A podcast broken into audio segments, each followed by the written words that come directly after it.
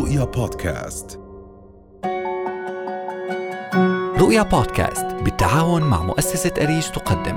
بودكاست ميت وات. قصص جديدة. لواقع حقيقي.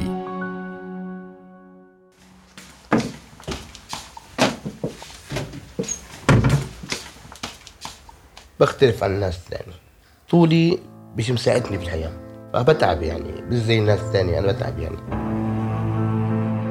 يعيش معنا أصدقاء وزملاء وأحباء يعانون ويتألمون تارة من السخرية والنبذ وتارة من التهميش وضياع الحقوق وتارات كثيرة من أنواع مختلفة من سوء المعاملة في مواقف مختلفة في الشارع وفي وسائل النقل وفي العمل. معاناة تتكرر يوميا في معظم تفاصيل حياتهم وتشعرهم بالإحباط والاكتئاب وكل جريرتهم أنهم ولدوا قصار القامة. فما هي نوعية المشاكل والتحديات التي تواجه قصار القامة؟ وما هي حقوقهم القانونية والمجتمعية للحياة بشكل طبيعي؟ اسمي محمود يوسف قاسم الفعيلي عايش مجمع الشمالي إربد. أنا بأشتغل اللهم صل على محمد وأنا عمري 18 سنة. هسه عمري 39 سنة. بأشتغل بمعظم شغلات. بالإدهان بالبلاط بالتحميل والتنزيل الشغلات الموجودة بشتغلها. وظيفة حكومية ما صحليش من مرة. وظائف تانية صح لي أنا حكيت لك صح لي وظائف تانية بس بتكون العائق هيك طولي بالواقع. يعني ما بقدر أستمر. طولي ما بخليني أستمر بالشغلة. يا صنفور كيفك يا صنفور؟ بتعرض لعدة سخرية بالشارع من معظم الناس وخصوصا الأولاد الصغار. بنظروا علي نظرة سلبية. إنه بصير ينادوا علي صنفور بابا صنفور أسمر قصير. ولكن تعودت على الشغلة هاي. رغم التنمر من بعض أفراد المجتمع والألقاب التي تطلق عليه وتؤذي مشاعره ورغم تظاهره بعدم الاكتراث بتلك الألقاب والصفات المزرية فإن أصدقاءه الذين تربوا معه ويحملون له الود والحب يعلمون مدى الألم الذي يعاني منه محمود بسبب قصر قامته. من هؤلاء صديقه حمزة. إحنا جيران وبعرفه من وإحنا صغار يعني من زمان زمان. وبعرف شو قلبه وبعرف شو تفكيره وكيف امراته لما يكون قاعد يتطلع بصير يحكي يا ربنا هيك يعني ليش خلقتك صغير؟ بقول له خلاص يعني أنت مش يعني مش أول واحد ولا آخر واحد بس الحياة يعني كثير صعبة. والله امراته يعني تسبب له أشياء هيك ب- بقصفهم فيه. حس إنه يعني صار عنده عقدة نفسية من العالم كله. مش راح يعرف يقعد مع فلان. أمراض الناس تصير تضحك عليه بالشارع فخلص يعني صار زي المتخفيين عن الناس يعني بحبش الاختلاط صار صار منعزل وهذا الحكي رباله عقدة نفسية. يخشى حمزة من أثر التنمر على شخصية محمود وذلك بعد أن لاحظ عليه تفضيله الانعزال والانطواء وحب الوحدة. هذا التطور السلبي قد يؤدي به إلى مشاكل نفسية. فذهبنا إلى استشاري الطب النفسي وعلاج الإدمان الدكتور محمد شعبان لنعرض عليه حالة محمود هنالك آه، دراسات تشير بأن هذه الفئة من المجتمع أي الشخص قصير القامة قد يتعرض لبعض الاضطرابات النفسية التي آه، تزداد قليلا عندهم أكثر من الناس آه، العاديين. طبعا من أهم الأمراض النفسية التي تصيبهم هي حالات الاكتئاب النفسي والقلق النفسي بالإضافة إلى حالات الاضطرابات آه، العقلية. طبعا أيضا آه، الشخص قصير القامة يميل إلى العزلة آه، الاجتماعية ويواجه أحيانا صعوبات وخاصة في المؤسسات التعليمية نتيجة للنظرة السلبية للمجتمع وللتنمر.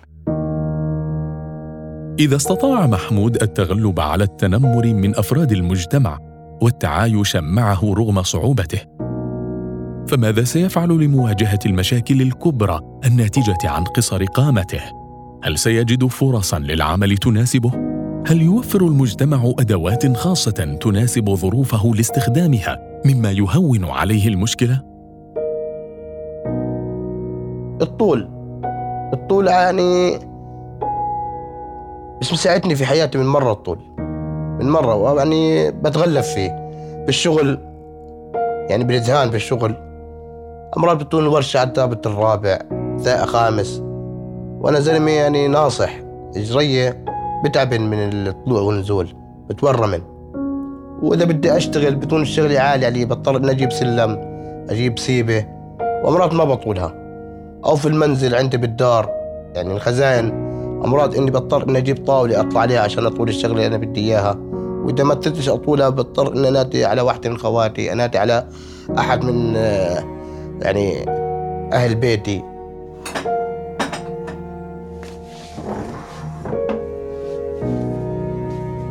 يسعى المجلس الأعلى لحقوق الأشخاص ذوي الإعاقة لتقديم بعض المزايا لتلك الفئة من المجتمع مثل فرص عمل مناسبة لهم وإعفاءات جمركية لأدوات يحتاجونها في حياتهم. فلماذا لا يتقدم محمود للاستفادة من المزايا الممنوحة للأشخاص ذوي الإعاقة؟ أنا بعرف إنه لي حقوق. ولكن بشتر الحقوق طلعت لي أو بالصحيت لي. لأنه فيني نسبة العجز اللي موجودة معي الآن سبعين بالمية.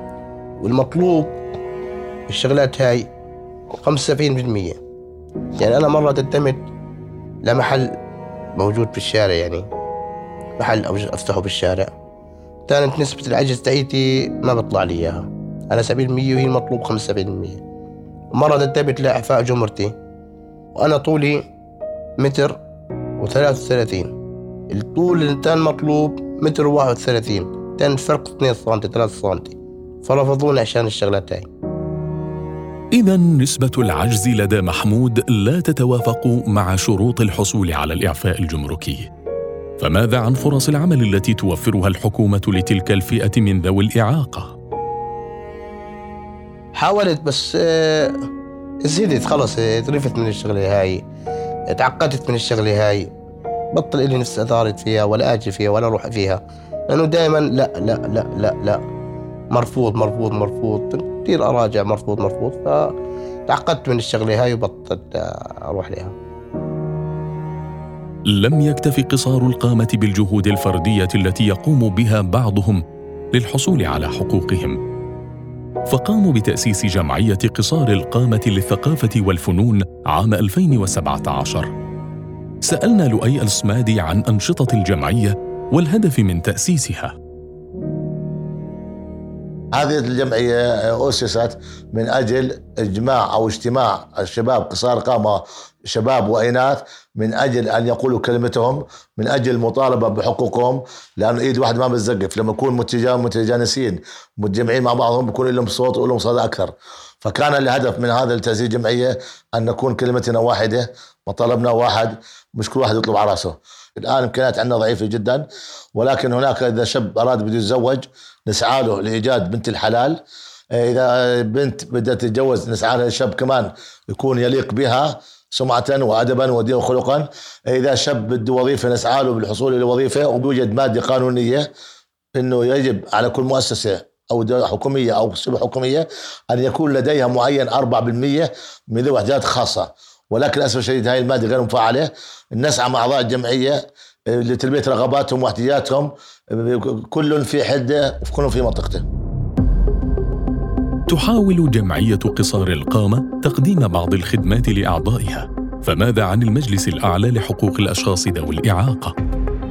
وما دور المجلس في متابعة تنفيذ القانون الخاص بتشغيل ذوي الاحتياجات الخاصة؟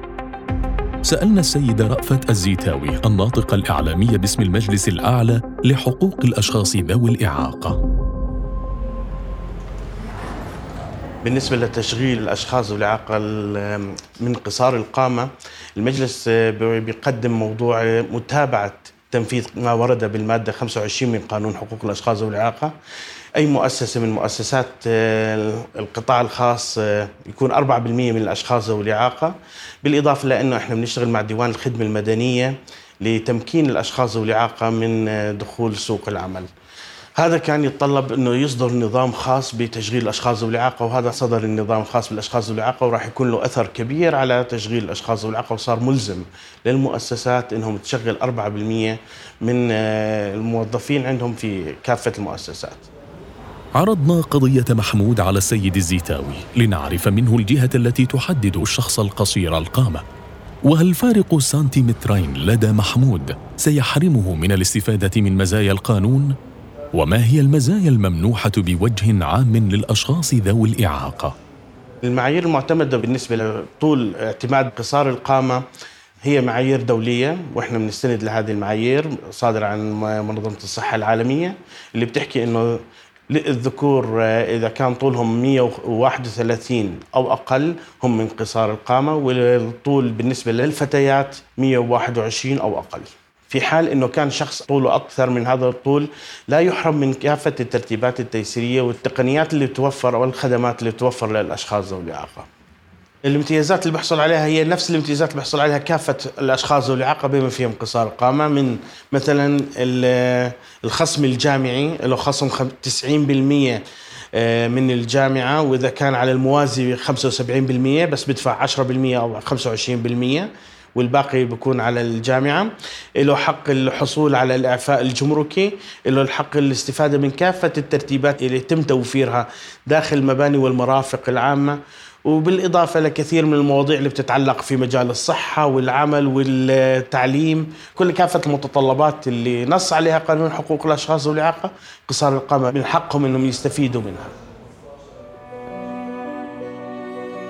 عانى محمود كثيرا من أجل الحياة بصورة كريمة وبشكل طبيعي وما زالت معاناته مستمرة. ورغم ذلك يحمل في قلبه أمنيات بسيطة في الحصول على حقوقه الأساسية كمواطن لا يختلف عن باقي أفراد المجتمع. فما هي أمنياته؟ وبحاجه في الحياة إني أتوظف. التي لوظيفه آخر الشهر تستر علي أتجوز اصير زي هالناس أعيش أفتح بيت يصير عندي أولاد أرتاح بكون تحت شعار الحكومة أحسن. من تحت شعار الناس. لم يختر محمود أن يكون قصير القامة حتى يتعرض لكل هذه المعاناة من تنمر وتهميش من قبل المجتمع كأفراد ومؤسسات. ففي الوقت الذي تسعى الدولة لمنح قصار القامة بعض المزايا حتى يستطيعوا الانخراط في المجتمع بصورة طبيعية نجد تصرفات فردية تحمل من التنمر ما يؤذي مشاعرهم. مما يضع على عاتق المؤسسات التعليمية والإعلامية دورا كبيرا في رفع الوعي المجتمعي حتى ينظر إلى هذه الفئة نظرة إنسانية تراعي ظروفهم. ويضع على عاتق الدولة أيضا ضرورة مراقبة تطبيق القانون الذي شرع من أجل توفير فرص العيش الكريم لقصار القامة. رؤيا بودكاست.